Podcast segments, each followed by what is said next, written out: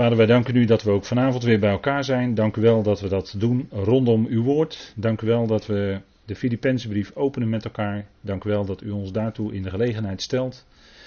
Dank u wel, Vader, voor de velen die daarop afkomen en deze avond hier mee willen maken. Dank u wel ook voor degenen die later door allerlei omstandigheden en misschien ook wel door afstand met ons verbonden zijn en later dit beluisteren. We danken u voor ieder die een horend hart heeft. En dat bidden we ook voor deze avond, Vader. Wilt u ons hart openen, net zoals, de, net zoals u dat ooit in Filippi bij Lydia deed, zodat we volle aandacht hebben voor de woorden die de apostel Paulus tot ons mocht spreken. Vader, dank u wel dat we ook vanavond daartoe bij elkaar zijn en een hart hebben dat verlangend is om meer te horen van u. Meer te horen over wie u bent en hoe u uw evangelie uitwerkt in de praktijk van ons leven. Vader, dank u wel dat u ons niet daarin alleen laat, maar dat we als hoofd van het lichaam onze Heer hebben, Christus Jezus, die de leiding heeft in het lichaam en de lijnen uitzet. Vader, en dank u wel dat we die mogelijkheid hebben om zo in alle eenvoud met elkaar dat woord te openen. Vader, geef ons ook wijsheid om het te verwerken. Geef ons wijsheid in het spreken. Mogen het woorden zijn van u. En wilt u leiden door uw geest. We zijn daarin zo enorm afhankelijk, Vader. Zonder dat zouden we het niet kunnen.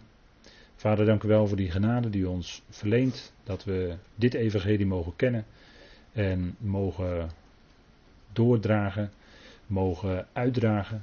In ons leven mogen zien werken. Vader, het is die diepe liefde en genade van u. Die zo centraal staan in dit evangelie als in geen ander. Vader, we danken u daarvoor. We danken u voor de rijkdom aan genade die u ons schenkt. We danken u dat we daardoor steeds opnieuw ons verheugen in u. En vader, dank u wel dat u in alle levensomstandigheden heel dicht nabij bent. Dat u draagt, dat u ons nabij bent in wat er ook gebeurt in ons leven. Vader, u weet wat we in ons hart meedragen. Dank u wel dat u troostvolle woorden spreekt. Dank u wel dat we ook zo daar vanavond naar uit mogen zien. We u daarvoor in die machtige naam van uw geliefde Zoon, onze Heer Christus Jezus. Amen.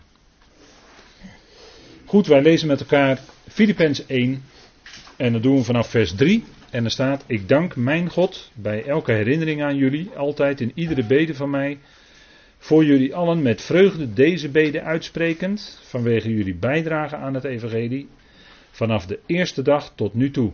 Hiervan overtuigd dat Hij, die onder jullie een goed werk onderneemt, het voltooien zal, tot aan de dag van Jezus Christus. Daarom is het voor mij terecht zo jegens jullie alle gezind te zijn, omdat jullie allen, jullie die mij in het hart hebben, zowel in mijn boeien als in de verdediging en bevestiging van het evangelie, gezamenlijk deelnemers zijn met mij aan de genade. Want mijn getuige is God, hoezeer ik naar jullie allen verlang, met het mededogen van Christus Jezus. En dit bid ik, dat jullie liefde nog meer en meer mag overvloeien in erkenning en alle fijngevoeligheid, zodat jullie toetsen wat belangrijk is, opdat jullie oprecht zijn en niet aanstootgevend tot in de dag van Christus, vervuld met de vrucht van gerechtigheid, die door Jezus Christus is, tot heerlijkheid en lofprijs van God. Tot zover. En we zijn bezig natuurlijk in een wat langer gedeelte waarin Paulus bidt. Daar uh, hebben we al de verschillende avonden met elkaar over gesproken. En Paulus die gaat dan verder in dit gebed en de dankbaarheid ook voor wat hij zag en ziet bij die Filippenzen. Filippenzen die met hem verbonden zijn, die hem ondersteunden met gebed en hier en daar ook met een praktische handreiking, met materiële gaven. En dat deden zij op de momenten dat God dat nodig achtte. God bewoog hun hart om dat ook te geven aan de apostel, die dat bij tijd en wijle gewoon ook nodig had. En uh, hij bad en hij vroeg de Filippenzen om gebed om vrijmoedigheid. En dat uh, zie je hem ook wel vaker om vragen om vrijmoedigheid, om het geheimenis van Christus bijvoorbeeld bekend te maken. we lezen dat, uh, u ziet hier op deze dia, ziet u een aantal gebeden staan, die altijd de moeite waard zijn om opnieuw op te slaan in het woord en ook, als u dat wil, deel te maken van uw eigen gebed. u bidt voor vele dingen, u bidt voor uw dagelijkse omstandigheden, u bidt voor medebroeders en zusters die het moeilijk hebben, degene met wie we verbonden zijn. En deze gebeden kunt u daar ook aan toevoegen. En ik denk dat dit wel belangrijke gebeden zijn, omdat ze toch zich richten niet zozeer op de directe omstandigheden waarin wij zijn, maar ze richten zich in de eerste plaats op ons geestelijk welbevinden. En daartoe bidt Paulus bijvoorbeeld in Efeze 1 om een geest van wijsheid en onthulling in de erkenning van Hem. En dat is misschien een moeilijke zin, maar wij hebben wijsheid nodig. En we hebben het nodig dat God zich onthult in ons leven. Dat Hij laat zien wie Hij is aan ons. En dat is niet van de ene op de andere dag dat wij weten en erkennen wie God is. En dan zeg ik twee dingen: weten en erkennen. Eh, dat, daar gaat tijd overheen. En dat is niet alleen, dat is niet een theoretisch weten, dat is niet een theoretisch kennen, want kennis in de Bijbel is niet theorie. Kennis in de Bijbel is gemeenschap, is omgang hebben met. Omgang hebben met God. En dat wil zeggen, God spreekt tot ons in zijn woord en wij horen dat woord, wij verwerken dat en wij gaan daar sinds de eerste dag dat we geloven mee op weg. En dat is een proces wat zich in de praktijk van ons leven ook afspeelt. En door die praktijk heen, door onze ervaringen heen, leren we God ook beter kennen. Dus dat is gelijk heel praktisch. Het is niet zomaar hoogdravend van Paulus wat hij hier bidt in Efeze 1. Maar we hebben dit nodig allereerst om het geheimenis van de Efezebrief te kunnen verstaan. Daarvoor hebben we een geest van wijsheid en onthulling nodig in de erkenning van Hem. Als Hij dat niet geeft, die bijzondere toedeling van zijn geest, dan kunnen we dat ook niet verstaan.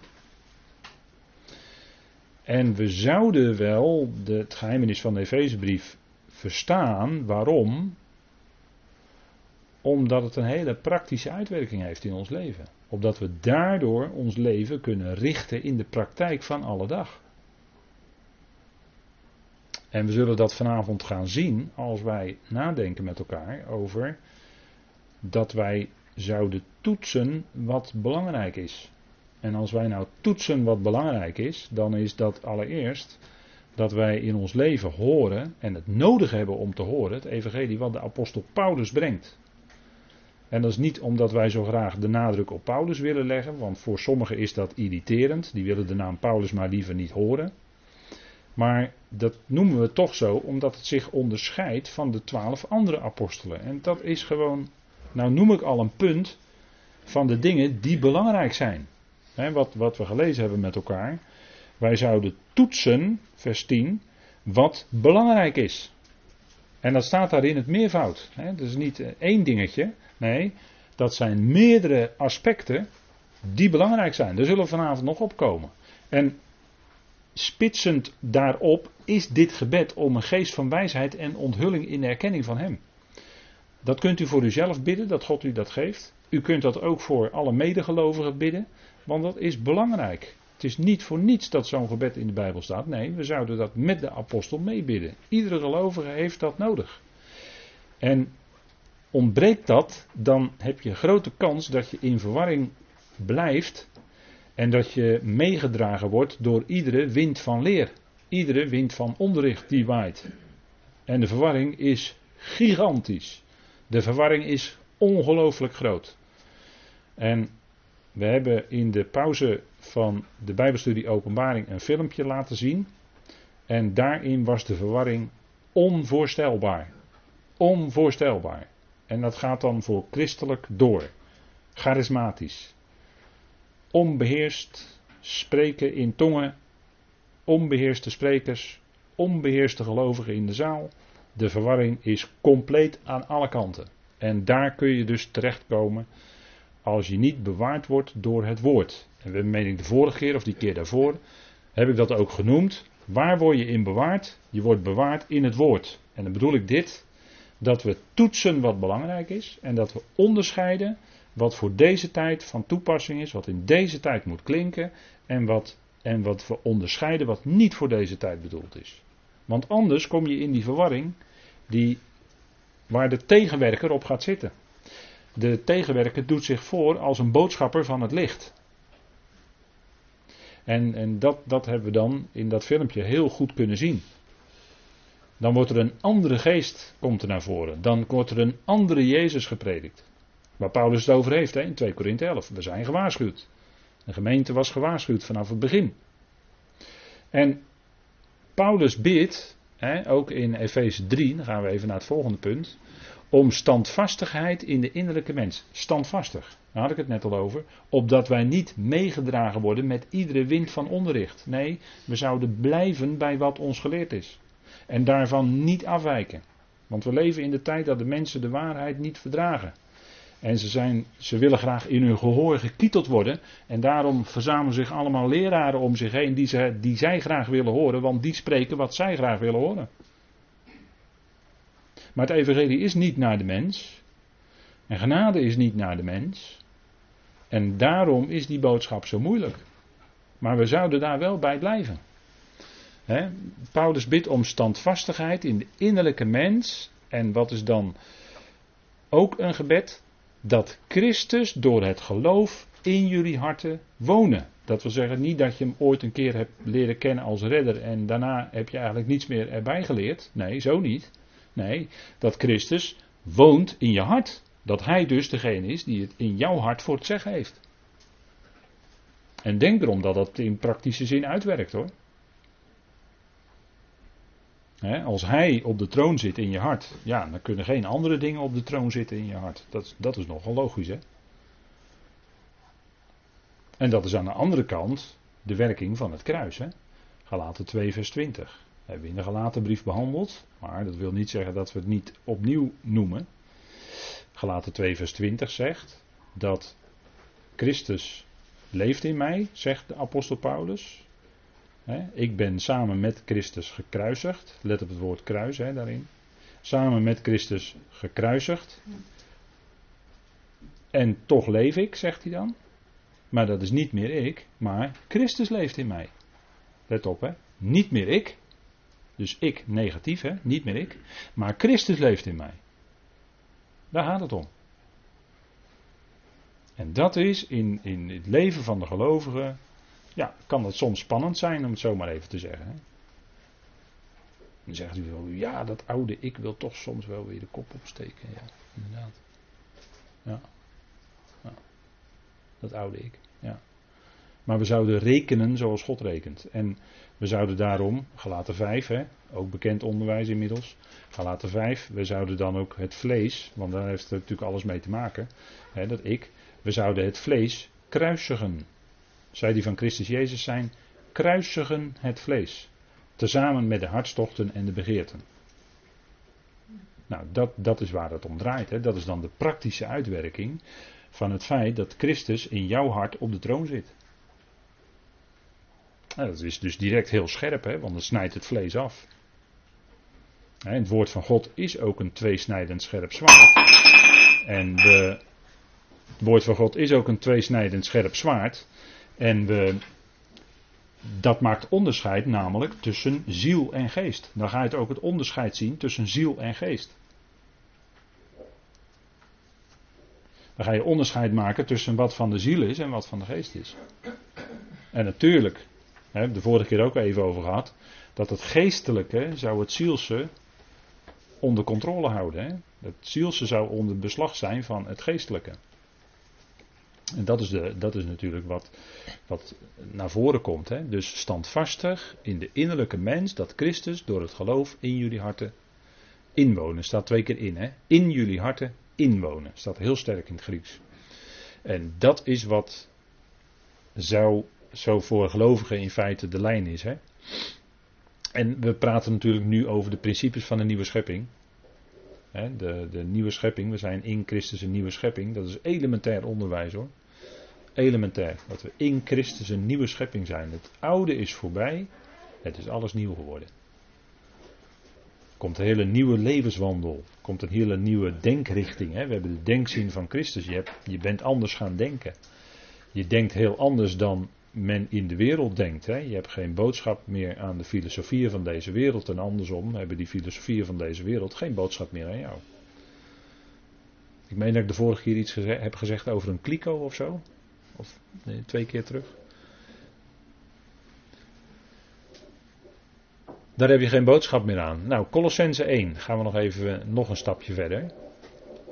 En u denkt van ja, dat is misschien wel, dat is wel veel hoor. Je begint gelijk, uh, je begint gelijk flink hoor vanavond. Zo.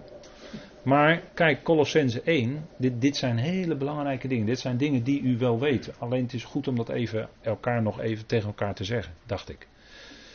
om vervuld te worden, het gebed is dat we vervuld worden met de erkenning van zijn wil.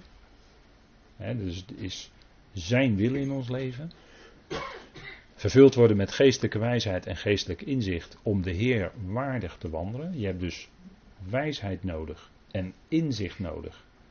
Met daarvoor het woord geestelijk. Dus je hebt geestelijke wijsheid en geestelijk inzicht nodig.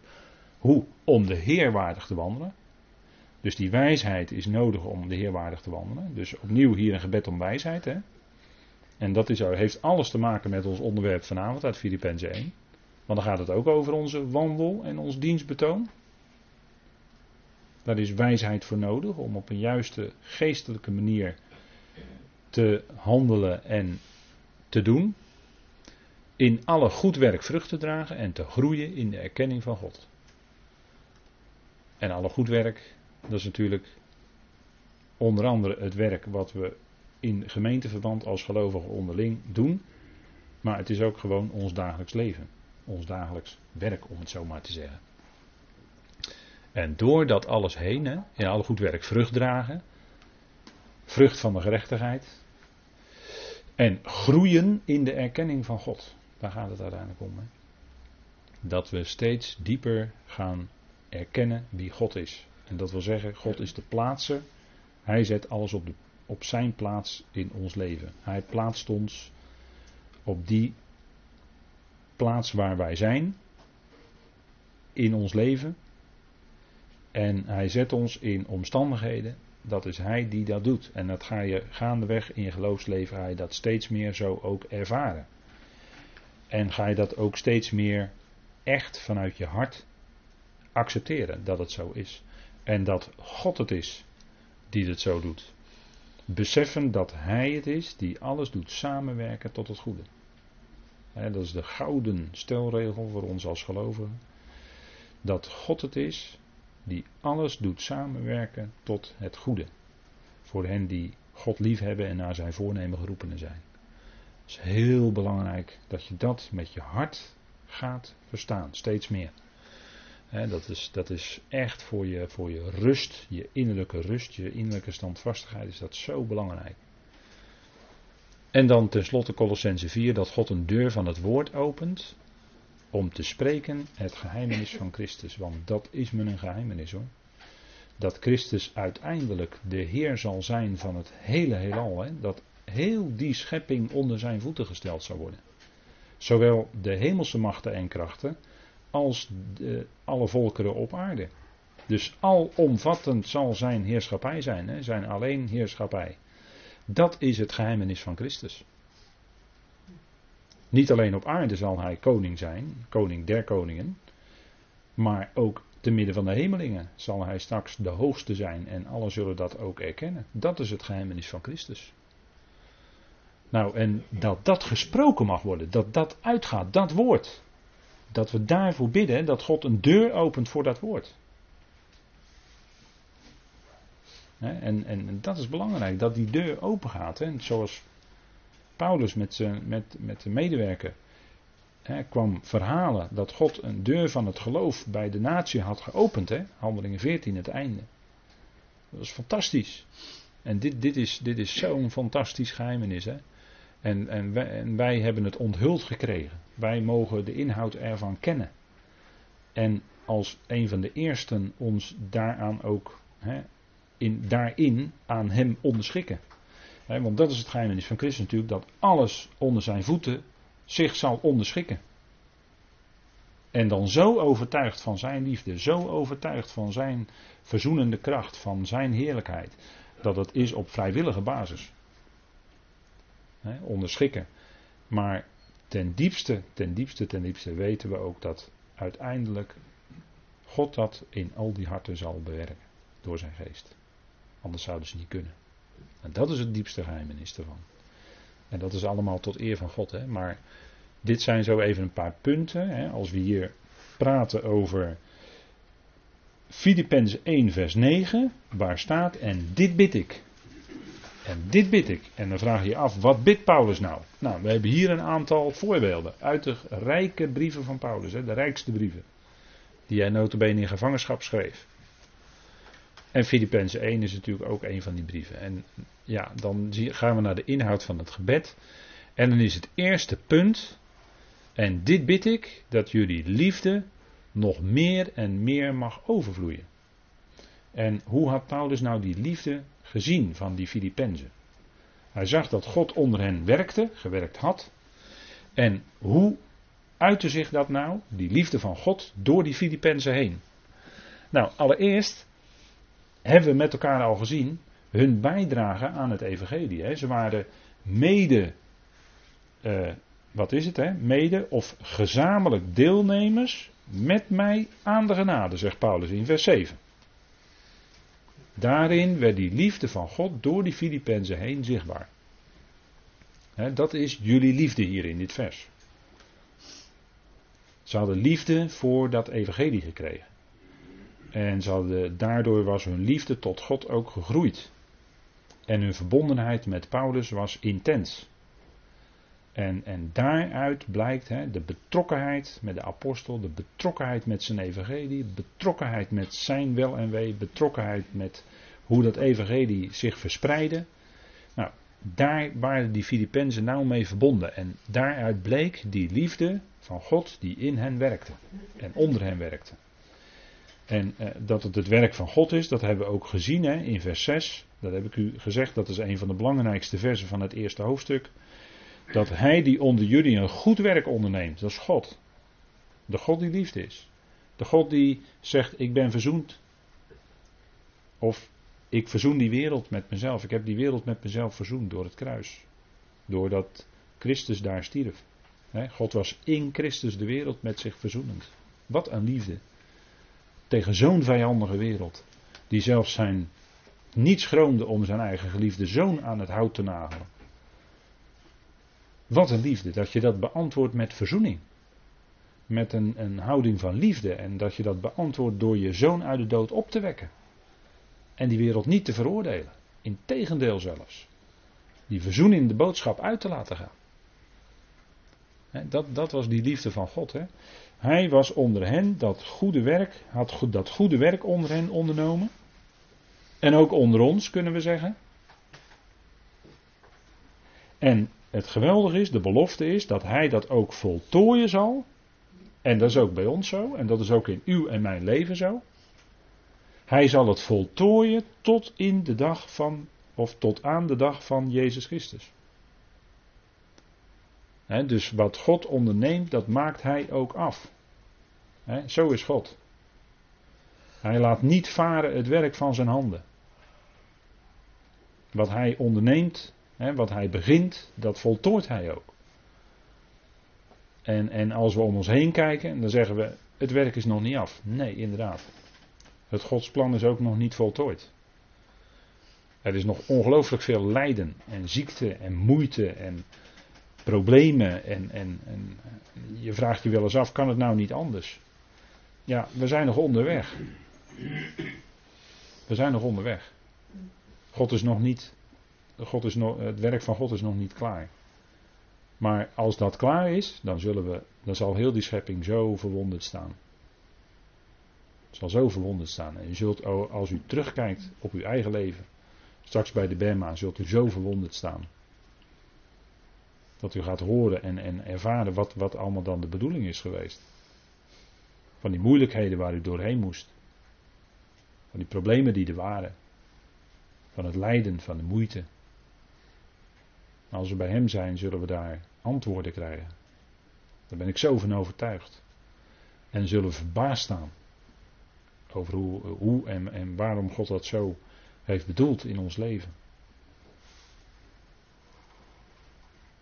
En wij, wij keken tegen die draden aan van de onderkant. U kent dat wel, hè? het voorbeeld van Corrie ten Boom. Maar ik, vind, haal het maar weer eens aan. Het is een geweldig voorbeeld. Want wij kijken aan de onderkant van het borduurwerk en dan zie je allemaal draden, zie je allemaal ogenschijnlijk door de war en het klopt allemaal niet. En als we bij de Heer zijn, zie je ineens de bovenkant van het geweldige wat Hij heeft gewerkt. Hè? En, en, en zo zal het ook zijn. Dan zullen we antwoorden krijgen, zullen we zien dat hele plaatje. Kijk, en dan zeggen we, ah, Heer, dat is fantastisch. Dit is helemaal af. En, en dat is wat we tegen elkaar zeggen, dat, dat wat nog komt. Ja, dat wat nog komt. Daar kunnen we elkaar mee bemoedigen. En, en als het moeilijk is. En, en voor elkaar bidden natuurlijk. Sowieso. Hè? En, en waar, waar kan elkaar ondersteunen? Nou, hoe bleek die liefde nog meer? Jullie hebben mij in het hart, zegt Paulus.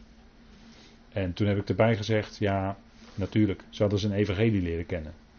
En dat hadden ze in hun hart gesloten. En Paulus gebruikt het hier in de vorm van beeldspraak. Jullie hebben mij in het hart. En het ging hem niet, natuurlijk niet om hemzelf. Maar het ging om dat evangelie wat hij mocht brengen. Wat hij met zich meedroeg. Dat hadden ze in hun hart gesloten. Het was hart, in hun hart geland. In hun binnenste. Het werkte onder hen. Het werkte zich uit in liefde. Maar Paulus bidt wel om dat die liefde nog meer en meer mag overvloeien. Dus dat kon nog meer. En dan, het derde punt is, waarin die liefde zichtbaar was geworden, ze waren mededeelhemmers met Paulus geworden aan de genade.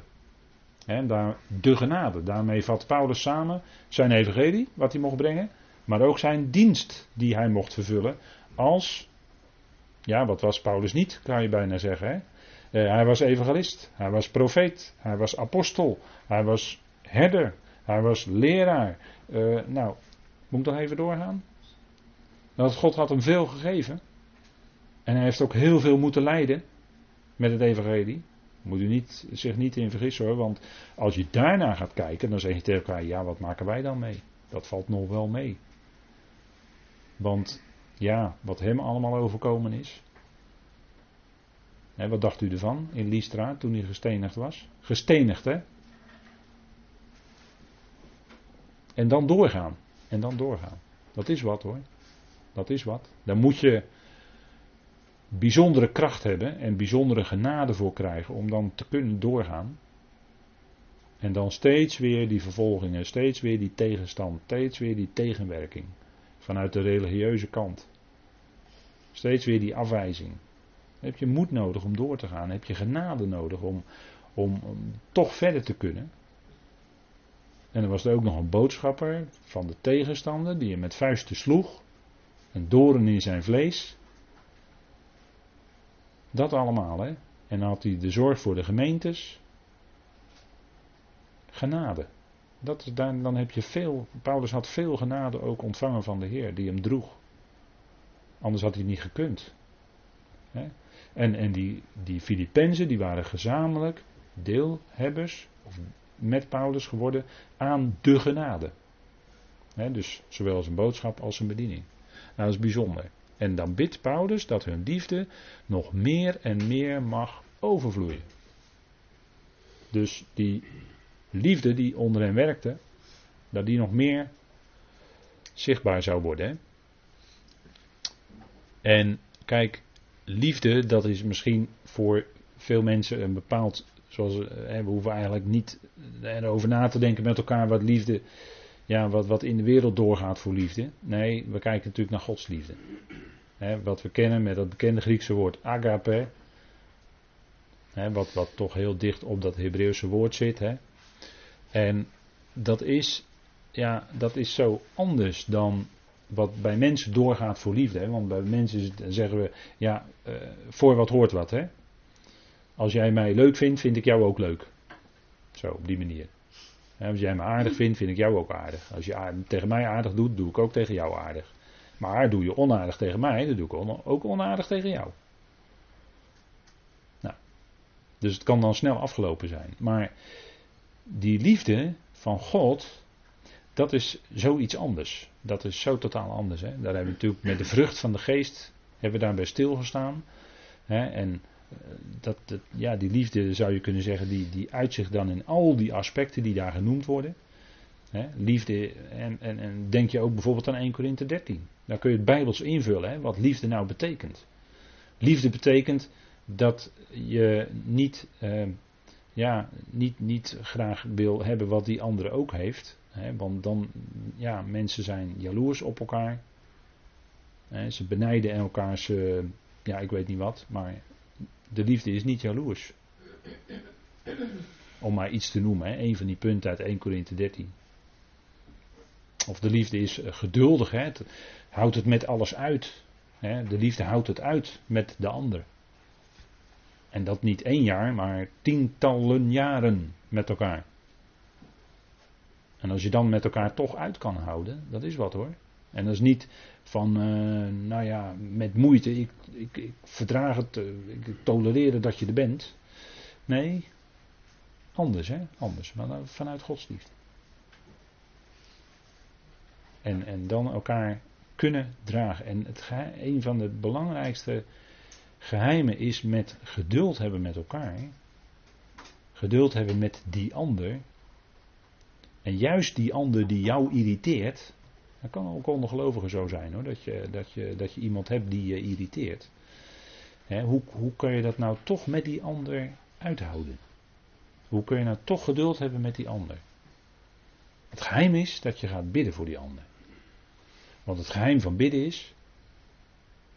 Dat je niet gaat bidden, heel hard gaat bidden, Heer, verander nou die ander, zodat die mij niet meer irriteert. Nee, zo ga je niet bidden. Maar het punt is dat als je voor die ander gaat bidden, dan ga jij veranderen. Gebed veranderen bidden. Dat is het geheim. Hè? En dan merk je dat je wel met die ander door één deur kan. En blijvend. En dat je wel voor die ander ruimte kan maken. En dat je wel. Het punt is dat jij dan verandert ten opzichte van die ander. Dat is een heel belangrijk punt, denk ik. en liefde, ehm, elkaar liefhebben, als je de ander lief hebt, dan wil je de ander ook dienen. want liefhebben, daar zit heel dicht dat woord dienen tegenaan.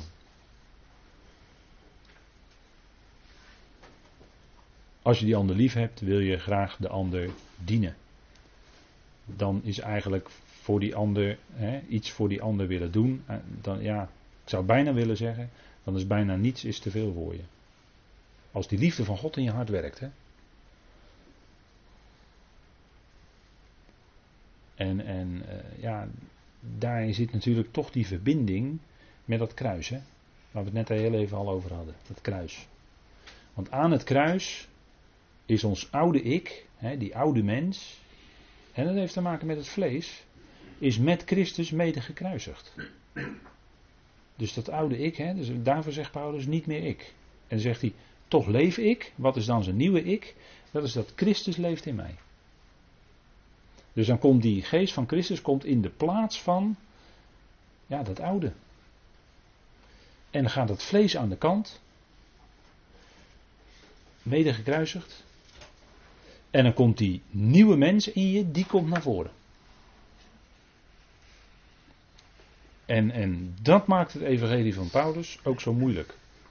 Want in het evangelie van Paulus staat het kruis van Christus, komt sterk naar voren. Waarom de werking van het kruis is dat het het vlees afsnijdt. En dan zoeken wij geen vleeselijke wijsheid meer, bijvoorbeeld, hè, zegt Paulus in de tweede Korinthebrief. Wij zoeken geen vleeselijke wijsheid meer. Maar we hebben met die gebeden gezien, wij bidden om geestelijke wijsheid en geestelijk inzicht. Dus dan gaan die principes, die wereldse principes van de oude schepping, van de oude mens, die gaan opzij en dan komen die principes van de nieuwe schepping voor in de plaats. de grondbeginselen bedoel ik dan. Daar hebben we met de Galatenbrief ook over gesproken met elkaar en dan is het niet meer dat wij naar elkaar een veroordelende houding hebben, maar een verzoenende houding. En dat we erop uit zijn. En het gaat zelfs heel ver, want het gaat naar alle mensen toe. Hè. Zij die van, eh, hè, wij als gelovigen zouden vrede houden met alle mensen, voor zover het van ons afhangt. En, en we hoeven echt niet te denken, en tegenwoordig is het ook al zo dat in het openbaar echt getuigen van wie jouw Heer is. En wat, wat, dat, je, dat je veel belang hecht aan het woord van God en dat je dat betrouwbaar acht. In het openbaar wordt dat steeds moeilijker hoor. Zou je eh, heel snel gaan stuiten op vijandschap. In deze, hè, in, de, in deze maatschappij waarin we leven. En daarin zie je dat die geest, die werkt in de zone van de weerspannigheid, dat dat steeds sterker gaat doorwerken in de maatschappij. En wat je er tegenover kan stellen is niet dezelfde vijandschap natuurlijk, want dan uh, is het uh, mis. Maar voor zover het van ons afhangt, vrede bewaren met alle mensen. mensen die moeilijk zijn, mensen met een kort lontje, mensen die om niets uit hun vel springen, enzovoort. Nou, daar, dat, is, dat is heel moeilijk, maar Paulus wijst de weg. Nou, kijk, en liefde meer en meer mag overvloeien in erkenning. En daar heb ik nu met u al heel even over gehad. In erkenning. Wat erkennen we dan? Kijk, erkenning, het woord in, vanuit de grondtekst is niet alleen kennis, hè, dat is het Griekse woord gnosis, maar hier staat iets meer, hè, dat is die epignosis. Dat is het woord wat hier staat voor erkenning in het Grieks. En dat is niet zomaar uh, kennis, maar kennis op zich is ook niet theoretisch in de Bijbel. Kennis heeft te maken met omgang hebben met. Maar hier gaat het om een stapje verder, zou je kunnen zeggen. Hè? Erkenning. Dat gaat om verdere kennis. Je hebt kennis, algemene kennis van het woord gehad. En op een gegeven moment heb je dat evangelie naar Paulus leren kennen. En toen ging het zich verdiepen. En toen ging de Bijbel op een andere manier tot je spreken. En toen ging je, kwam je dieper in die waarheid van God. En dan, kom, dan ga je ook dingen zien die je voorheen niet zag. En dat gebeurt niet alleen door dat je uh, Gods woord bestudeert, alleen in theoretische zin. Nee, dat je daar ook mee leeft. En dat je dat ziet werken in je leven. Op die manier. Hè? Dus je, het, het is ook praktijk. Hè? Het gaat zich ook in de praktijk van je leven uitwerken. Je gaat rekenen met andere principes. En je, gaat, uh, je, gaat je, je wordt steeds meer en steeds dieper afhankelijk van God. En je bent dan ook geneigd steeds minder de dingen naar je eigen hand te willen zetten, maar de dingen uit Gods hand te ontvangen. En, en het steeds maar vragen, Heer wilt u dit, Heer wilt u dat, wilt u het zus doen, wilt u het zo doen, is veranderd in, Vader dank u wel dat u het zo doet. U doet het, u doet het in mijn leven op een manier die ik heel moeilijk vind, maar het, vader, het zal toch het beste zijn. En daarvoor kan ik u toch op dit moment danken. Kijk, dat is heel anders. zo kun je in je eigen gebed teruglezen of horen wat er in je hart veranderd is en hoe je gegroeid bent in de erkenning. dat, dat is, uh, dus, dus het is niet alleen, uh, het is niet alleen uh, je had eerst kennis van het woord en daar opgebouwd is meer kennis gekomen, diepere kennis, dat is ook zo, van het evangelie, maar het is ook praktisch. En je ontvangt stapje voor stapje, doordat je steeds meer gaat ontdekken die principes van het woord, daar kom je steeds dieper in, krijg je ook meer wijsheid om te handelen en te wandelen zoals God het in deze tijd bedoelt. En, en dat is ook in, in het gemeentelijke leven, hè, als het niet alleen persoonlijk, maar ook in het gemeentelijke leven. Hè, dat we op een gegeven moment, dat je, dat je tot inzicht komt van hé, hey, ik, ik noem maar iets, een, een ding als de, de doop in water, waar, waar toch nog heel wat mensen veel moeite mee hebben, dat we dat niet meer doen. Dat hoor je dan soms wel eens terug. Maar als je tot erkenning komt dat het toch vanuit het woord anders ligt, dan moet je daar ook naar handelen. en het stemt helemaal overeen met het evangelie dat het louter en alleen genade is. En als mensen zich toch in water willen laten dopen, Nou, ik heb daar op zich helemaal niets op tegen. Alleen je moet niet denken dat je dan daarmee iets extra's bewerkt voor God. Dat moet je niet denken. Maar als je getuigenis daarvan wil afleggen van je geloof, prima. Alleen het bewerkt helemaal niets. En het is ook niet wat in teksten waarin de waterdoop gelezen wordt, Romeinen 6 bijvoorbeeld, wordt helemaal niet gesproken over water. Of in Colossense 2 wordt ook niet gesproken over water. dus wat dat betreft, denk ik toch dat, we, dat je zo'n lijn hebt. En op een gegeven moment, een aantal jaren geleden, nog heel recent, en dat, dat, is een, dat was best een, een heel proces, om het zo maar te zeggen. hebben we ook in de gemeente gezien van, hé, hey, Paulus spreekt over oudsten. En zijn op een gegeven moment ook die oudsten naar voren. Die waren er al hoor, daar, daar gaat het helemaal niet om. Niemand heeft iets aangesteld in de gemeente. Nee, die oudsten die waren er al. Het is nu zichtbaar gemaakt hè, wie dat zijn. En we hebben daar intens lang over met elkaar gehad en gebeden. En, en zo werkt het ook in, in uh, geloofsgroepen.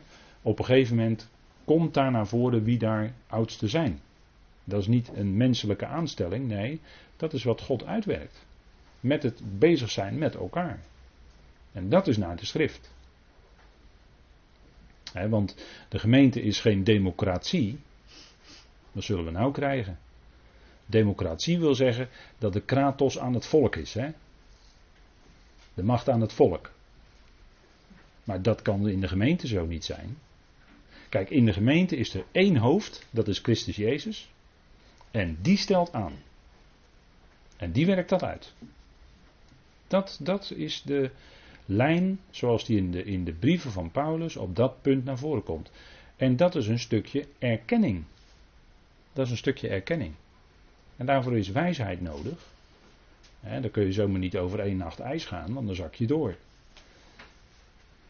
maar dat is een lang proces, veel gebed, bidden om wijsheid, wilt u het laten zien. En op een gegeven moment kom je dan toch tot een punt dat je zegt van hé, hey, kijk, die en die. En dat komt dan naar voren in de loop van de tijd. En zo werkt God het uit. Geestelijke wijsheid is daarvoor nodig. dat, is niet, dat is totaal anders dan hoe het in de wereld gaat. In de wereld heb je allerlei clubs enzovoort. En daar, daar, wordt er dan gekozen wie dan een nieuwe voorzitter mag zijn. Of wie er dan in het bestuur zit enzovoort enzovoort. Dat is allemaal zoals het bij, bij clubs enzovoort in de wereld gaat. Maar in de gemeente is dat heel anders. Daar gelden de principes zoals die in het woord naar voren komen. En dat is onze enige richtsnoer die we daarin hebben. En uh, ja, dat is ook dingen die verschillen. Hè? Als we praten over wat is nou belangrijk. Zijn het nou principes van de wereld die we in de gemeente gaan toepassen, is dat nou belangrijk? Nee, we gaan ontdekken, hé, belangrijk is die principes die in het woord zelf staan en die in de gemeente toepassen. Dat is wat belangrijk is. Daar heeft Paulus het over in, in deze verse ook. Nou, in erkenning, hè, dus kijk, eh, want het is ook wonderlijk. U ziet hier eh, Paulus en Silas met de voet in het blok in Filippi, weet u wel. En wat deden ze? Ze gingen niet eh, protesteren en ze gingen geen oproer kraaien in die gevangenis en niet eh, een, eh, een, draagvlak creëren om eruit te komen, dat soort dingen. Nee, helemaal niet. Ze zongen Gods lof. Ze dankten en ze loofden en ze prezen God, s'nachts. Dat deden ze. Dat is zo anders dan, dan hoe je als, als gewoon mens zou reageren in zo'n situatie. Filippenzen gaat over voorbeelden. hoe kun je leren? Nou, je kunt leren door voorbeelden. Kinderen leren door voorbeelden. Die kijken naar hun ouders, die kijken hoe die dat doen, die kijken naar het voorbeeld van hun ouders. Daar leren ze van. als ze tieners zijn, dan zoeken ze een rolmodel. vaak in de, in je zag dat vaak in de muziek en zo. Dan hadden ze een bepaalde artiest en die gingen ze dan helemaal uh, ook in de kleding en zo nadoen. dat was al een rolmodel, want ze zoeken voorbeelden. Mensen, kinderen zoeken voorbeelden die ze kunnen navolgen. Nou, zo is voor ons, als we kijken in de brieven van Paulus, is dit een uitgelezen brief, Filippenzen, met voorbeelden. Christus Jezus zelf, hè, wat een gezindheid. Paulus, Timotheus, Epaphroditus. En, en voor ons als gemeente kunnen we ook die Filippenzen als voorbeeld nemen. En dan heb je nog een vijfde voorbeeld zelfs. Erkenning. dus dat is niet alleen meer kennis, want alleen meer kennis opstapelen, dat maakt opgeblazen. Maar het gaat om die epigenosis wil zeggen, erkenning, dat is ook heel praktisch. En dat is juist onderschikking in plaats van opgeblazenheid. Kijk, liefde in erkenning en alle fijngevoeligheid. Kijk, die Filippenzen die hadden hun worteltjes uitgeslagen in die grond. Kijk, en u ziet daar staan, liefde. Ze hadden hun worteltjes uitgeslagen in de liefde van God. Hè? En daar gaat het om. Dat wij wortelen, dat, dat we onze wortels uitslaan in die grond van Gods liefde. Want dat is eigenlijk, zoals je het evangelie kan samenvatten, dat is Gods liefde. Genade hebben we wel eens lang geleden ook met de gelaten brief tegen elkaar gezegd. Het is een uitspraak van broeder Gelesnov. Genade is Gods liefde in actie. Als Gods liefde actief wordt, dan is er ook genade. En kijk, als wij wortelen en gronden in die liefde, ja, dan kan de boom van ons leven, die staat dan stevig in die liefde van God verankerd. Hè? En, en hoe dieper je daarin je wortels uitslaat, hoe moeilijker het zal zijn om die boom te doen omvallen. Hè? Soms is het zo, als je een boom uit je tuin gaat rooien, dan heb je flink wat moeite voordat al die wortels, eh, die moet je soms helemaal in de grond losknippen, voordat je die boom echt uit de, uit de tuin hebt. En, en, en denk erom dat bij deze boom, die zo diep geworteld is in Gods liefde, nou als dat te gelovig is, dan, dan is die daar niet meer uit te krijgen hoor. En dat, dat is ook uh, liefde is, uh, ja, kijk, liefde, 1 Korinthe 13. Liefde verheugt zich met de waarheid. Liefde verheugt zich met de waarheid. En als nou die liefde van God in je werkt, dan herken je ook uit Gods woord, ja, met je hart, hè. Dan weet je gewoon van binnen op een gegeven moment, ja, dit, dit is de waarheid. zo is het. God, God is liefde en daar komt alles uit voort. En dat is dat evangelie. Dit is de waarheid. En, en dat wordt door de geest van de waarheid in je hart gewerkt. En dan weet je het. Niet omdat je absoluut niet beter voelt of wat dan ook dan de ander. Helemaal niet, integendeel zelfs. Maar het is genade. Je weet van binnen, het is waar. Het is zo waar, die liefde van God. Want hij bereikt iedereen. Uiteindelijk.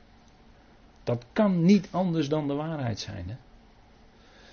En, en kijk, uh, het is een eenvoudige optelsom. Hè? God is liefde en God is almachtig. En dus redt hij iedereen. Dat is niet zo moeilijk dan. Hè? En kijk, het is de uitwerking van die alles overstromende liefde en genade in ons leven. Zodat we groeien in de diepte, groeien in die liefde van God. En daardoor werkt die liefde ook in ons leven uit. En wat is dat geweldig hè, als dat gebeurt. Als onderling echt die liefde van God functioneert. Ja, dan, uh, dan zijn er geen partijschappen meer. Dan verheft zich niet meer de een boven de ander.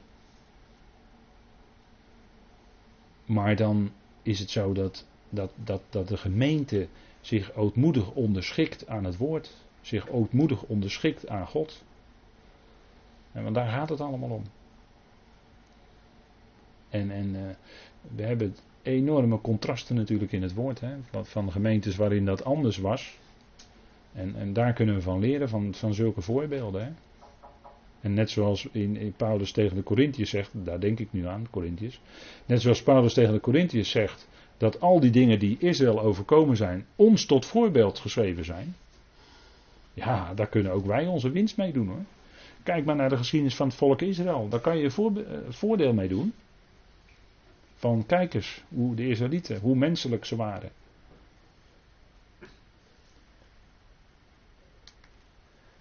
Liefde in erkenning en fijngevoeligheid.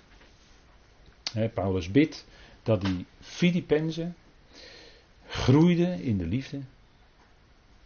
En groeiden in liefde niet alleen in erkenning, dat ze steeds meer gingen erkennen van wie God is, maar ook in fijngevoeligheid. En wat is nou fijngevoeligheid? Nou, je kan, je kan misschien zeggen dat fijngevoeligheid een, als het ware een orgaan is, dus aanhalingstekens orgaan, van waarneming net zoals je je ogen en je oren hebt, hè, wat organen zijn om dingen waar te nemen. Nou, dat je innerlijk als het ware een extra orgaan hebt om waar te nemen waar het nou echt op aankomt. wat, wat nou in die situatie belangrijk is. Wat in die situatie misschien wel tussen gelovigen wijsheid is. Dat kan. Dat heeft te maken met het, het kunnen onderscheiden. Een, eenzelfde soort woord, wat bijna hetzelfde is, komt, komen wij tegen in. En dat is misschien wel een goed voorbeeld. Laten we het even met elkaar opzoeken. In Hebreeën 5, vers 14. Hebreeën 5, vers 14. En dat is een bekend stukje, maar wel leerzaam. Om dat er nog even met elkaar bij te pakken. En daar heeft Paulus het tegen die Hebreeën over volwassenheid hè, in het geloof en minder volwassen zijn in het geloof. Of nog kind zijn in het geloof, hè, nog onvolwassen. En dan heeft hij gesproken al even iets over dat Christus is aangesteld door God als de hoge priester. Hè, hij is de hoge priester naar de ordening van Melchizedek. Nou, daarover, was, uh, uh, daarover zegt de Hebreeën nogal wat, hè, maar dat voert nu te ver. En dan zegt Paulus in Hebreeën 5, vers 11. Of de, de Hebreeën schrijven, ik zeg Paulus even voor het gemak, maar de Hebreeën schrijven, we weten het niet zeker. Over hem hebben wij veel dingen te zeggen die moeilijk zijn om uit te leggen, omdat jullie traag zijn geworden in het horen. En kan je als gelovige zomaar overkomen hoor, dat je traag bent geworden in het horen. dat je niet meer ja, erbij bent, dat je achterop bent geraakt zou je kunnen zeggen. Want hoewel jullie, zegt uh, hij dan tegen de Hebreeën, gelet op de tijd leraars zouden moeten zijn, hebben het weer nodig die jullie onderwijst in de grondbeginselen van de woorden van God. Jullie zijn geworden als mensen die melk nodig hebben en niet vast voedsel. Nou, een klein babytje heeft melk nodig. Maar op een gegeven moment zal het kind toch over moeten gaan op vast voedsel. Waardoor het de melk niet meer nodig heeft. Nou, dat beeld gebruikt de Hebreeën hier voor de gelovigen. Hè? En dat is een beeld dat Paulus en Petrus bijvoorbeeld ook gebruiken. Dat is een algemeen beeld. Immers, die van melk leeft, is onervaren in het woord van de gerechtigheid, want hij is een kind. Dus nog niet volwassen, nog onvolwassen. Kind. En met een kind, ja, tegen een kind spreek je anders, sowieso in het dagelijks leven al, tegen een kind spreek je anders dan tegen een volwassene tegen een volwassene, daar kun je meer dingen vertellen, ook de achtergronden en inhoudelijk en noem maar op. Kan veel moeilijker dan tegen een kind. Zo is het ook met het woord. Maar voor de volwassenen is het vaste voedsel. Voor hen die aan de zintuigen door het gebruiken van geoefend hebben. Om te kunnen onderscheiden tussen goed en kwaad. Nou, dat woord zintuigen, dat doelt daarop. Dat is dat fijngevoelig zijn. Dat is dat gevoelig zijn voor te onderscheiden goed en kwaad. dus dat die, die fijngevoeligheid, die levert op dat je kunt onderscheiden tussen goed en kwaad. Dat je dat verschil gaat zien. En dat is wat waarin Gods woord jou opscherpt. En hoe meer je en hoe dieper je in dat woord komt en vast voedsel kunt verdragen, hoe beter je in staat zal zijn een kind is niet in staat om te onderscheiden wat goed en kwaad is, maar volwassen mensen wel, als het goed is. Alhoewel we in de tijd leven waarin het kwade goed wordt genoemd. En het goede kwaad. dat is aan, alle, aan alle kanten in de maatschappij is dat natuurlijk zo. Alles wat kwaad is, wordt goed gepraat. En moet maar kunnen. En datgene wat eigenlijk goed is, daarvoor wordt gezegd, ja, dat is eigenlijk kwaad. Het is allemaal omgeturnd, het is allemaal omgedraaid. En dat heeft alles te maken met de mens centraal en niet God. Dat, dat, dat, dat is die dictatuur van de humaniteit. De mens centraal. De mens is de norm geworden van alles. En de mens moet zelf kunnen beschikken over. Huiveringwekkend hoor, wat er gaande is. mens zelf moet kunnen beschikken over leven en dood? Nee, die kant uh, moeten we eigenlijk niet op. Maar die kant gaat het wel op in de maatschappij. Hè? Steeds meer de mens zelf beschikt, zelf de norm is. Terwijl wij zeggen nee, er zijn hele andere normen, er zijn hele andere waarden. zijn woord wijst ons de weg. En dan onderscheid je wat echt goed is en wat echt daarmee niet overeenstemt en dus kwaad is. En dat is die gevoeligheid, die zouden we hebben. Die gevoeligheid, hier het woord zintuigen dan. Eh, geoefend. Je wordt steeds gevoeliger voor. En gaat steeds meer doorzien hoe het zit. En dat, dat is ook de opmerking van de apostel in Filippenzen 1. Dat hun liefde meer mag overvloeien in erkenning en fijngevoeligheid. Dat je ook gaat zien wat met de liefde van God overeenstemt en wat niet. Wat is nou in, in een bepaalde situatie vanuit Gods liefde het beste? vanuit Gods liefde het beste. Dat is niet menselijk dus, dat is niet vanuit het zielsmenselijk gedacht. Of vanuit, eh, ik had het vorige keer ook over de emoties. En ieder mens heeft emoties. En dat is normaal. Het is normaal dat je emoties hebt en allerlei gevoelens. Dat is normaal. Alleen, dat zou wel, hè, daarbovenuit is wel dat woord, is dat geestelijke, is die liefde van God. Dat gaat daar bovenuit. En dat kan wel eens dan anders zijn dan dat wij menen vanuit onze emoties. En, en een belangrijke beslissing nemen in, in, in heftige emotie is nooit verstandig. Laat die emoties eerst eens even tot bedaren komen. En ga dan wat helderder kijken hoe dat, hoe dat nou zit en wat nou het beste is vanuit de liefde van God. Kijk, en die liefde van God, dat is iets geweldigs. Hè? Liefde van God is namelijk onvoorwaardelijk. Daar zitten geen voorwaarden aan. God heeft ieder lid van het lichaam onvoorwaardelijk lief. Altijd. Wat er ook gebeurd is. Maar hij heeft iedereen zonder voorwaarden lief. Dat is de liefde van God. En, en dat moet altijd, hè, in de gemeente, moet dat te allen tijden bovenaan staan.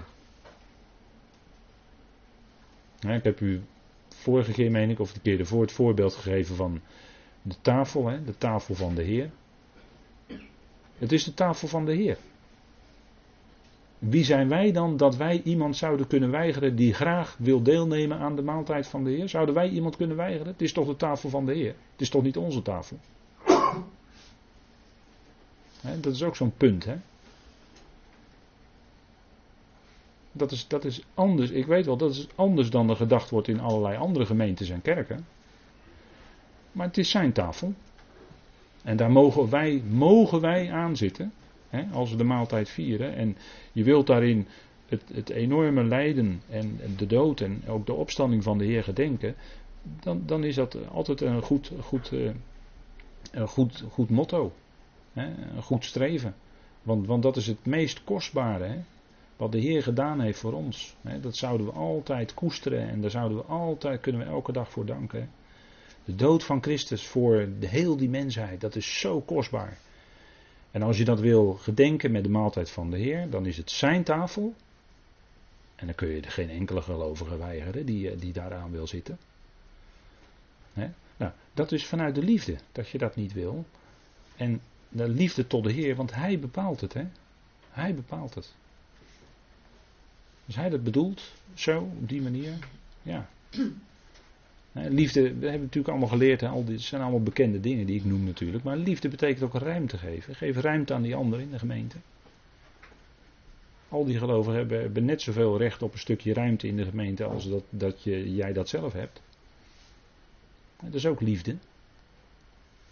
En, en daarin kunnen we soms ongewild zelfs de Heer voor de voeten lopen. Maar dat zouden we niet doen. En daar word je dan ook steeds gevoeliger voor. Maar kijk, dat zijn allemaal van die puntjes. Dat hoor je dan in dat gebed doorkomen. Hè, dat die liefde meer en meer overvloedig is zelfs. Hè, dat het overstroomt. En daarin denk ik dat we, dat we, dat we allemaal uh, altijd ons daarna uitstrekken. En, dit gebed zo met de apostel Paulus ook voor ons persoonlijk, voor ons eigen leven, voor ons eigen geloofsleven kunnen meebidden. Dat die liefde van God ook in ons leven, door ons heen, meer en meer overvloedig mag zijn naar die ander toe. En, en dat in erkenning en fijngevoeligheid. Hè. En, en liefde, en als die liefde van God echt in je hart werkt, dan word je ook steeds meer fijngevoelig. Hè. Dan ga je ook steeds meer onderscheiden wat, wat in een bepaalde omstandigheid uh, het betonen van liefde is. En waarin je steeds meer, steeds vaker misschien wel uh, een stapje terug doet en zegt: Heer, werkt u het maar uit. In mijn leven werkt u het maar uit, in het leven van die ander. En, en dan kijken hoe de Heer dat uitwerkt. En daar dankbaar voor zijn en, en steeds daarvoor bidden. dat, nou, we kunnen veel van Paulus leren in zo'n gebed. En eh, fijngevoeligheid, hè, zo ongelooflijk belangrijk. Hè. Liefde met fijngevoeligheid of in fijngevoeligheid. elkaar uitwerken. Dat, dat, is geweldig fijn als dat functioneert. Goed, we zullen even pauzeren en dan gaan we straks verder.